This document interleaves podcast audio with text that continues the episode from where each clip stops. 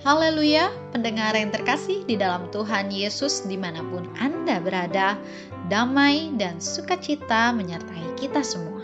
Renungan Sauh bagi jiwa yang disajikan Gereja Yesus Sejati berjudul Percaya pada kehendak Tuhan. Di dalam nama Tuhan Yesus membacakan renungan firman Tuhan. Kata Maria, Sesungguhnya aku ini adalah hamba Tuhan. Jadilah padaku menurut perkataanmu itu.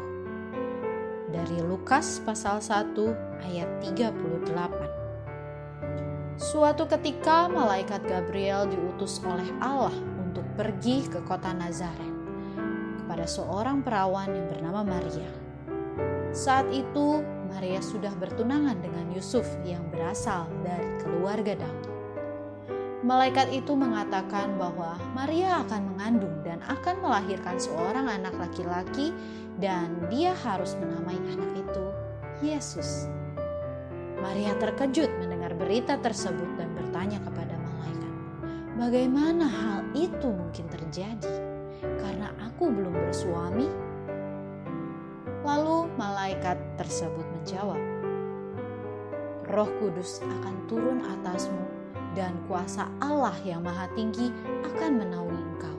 Sebab itu, anak yang akan kau lahirkan itu akan disebut kudus, anak Allah.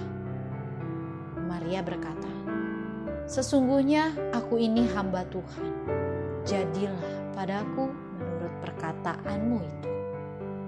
Maria adalah seorang gadis dari sebuah kota kecil bernama Nazaret di Galilea dia dipilih Allah untuk menjadi ibu dari Yesus.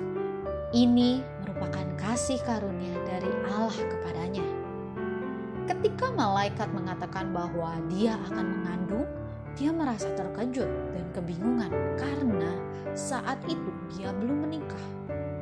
Namun, ketika malaikat mengatakan bahwa saudara sepupunya, Elizabeth juga sedang mengandung anak laki-laki, dia mengerti Selama ini dia tahu bahwa Elizabeth itu mandul, sehingga dia tidak memiliki anak.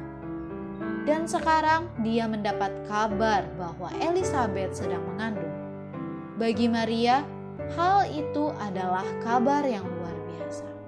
Dia percaya bahwa hal itu dapat terjadi karena kasih karunia Allah semata. Dia mengerti bahwa bagi Allah tidak ada yang mustahil termasuk bahwa dia dapat mengandung walaupun belum bersuami. Maka dengan tulus dan rendah hati, Maria menerima rancangan Allah atas dirinya itu. Dia bersedia melakukan apa yang Allah perintahkan kepadanya. Dia berserah penuh pada kehendak Allah. Biar kehendak Allah lah yang terjadi. Untuk itu, dia rela menanggung segala risikonya bisa saja dia akan menjadi bahan cemooh dari orang-orang di sekitarnya. Nama baiknya mungkin akan tercemar. Bahkan tunangannya Yusuf berkehendak untuk memutuskan pertunangan secara sepihak ketika tahu bahwa Maria sedang mengandung. Tetapi Maria rela menerima semuanya itu karena dia tahu bahwa dirinya hanyalah seorang hamba yang harus taat sepenuhnya pada perintah tuannya. Demikian juga dengan kita. Sebagai hamba Tuhan, kita pun harus mempercayakan diri kita kepada Tuhan. Kita harus menjalani kehidupan kita sesuai pengaturan dan rencana Tuhan. Jangan memaksakan kehendak kita sendiri. Setiap manusia ingin hidup nyaman, serba berkecukupan, sehat, sukses, dan bahagia. Namun, kenyataan hidup kadangkala sebaliknya.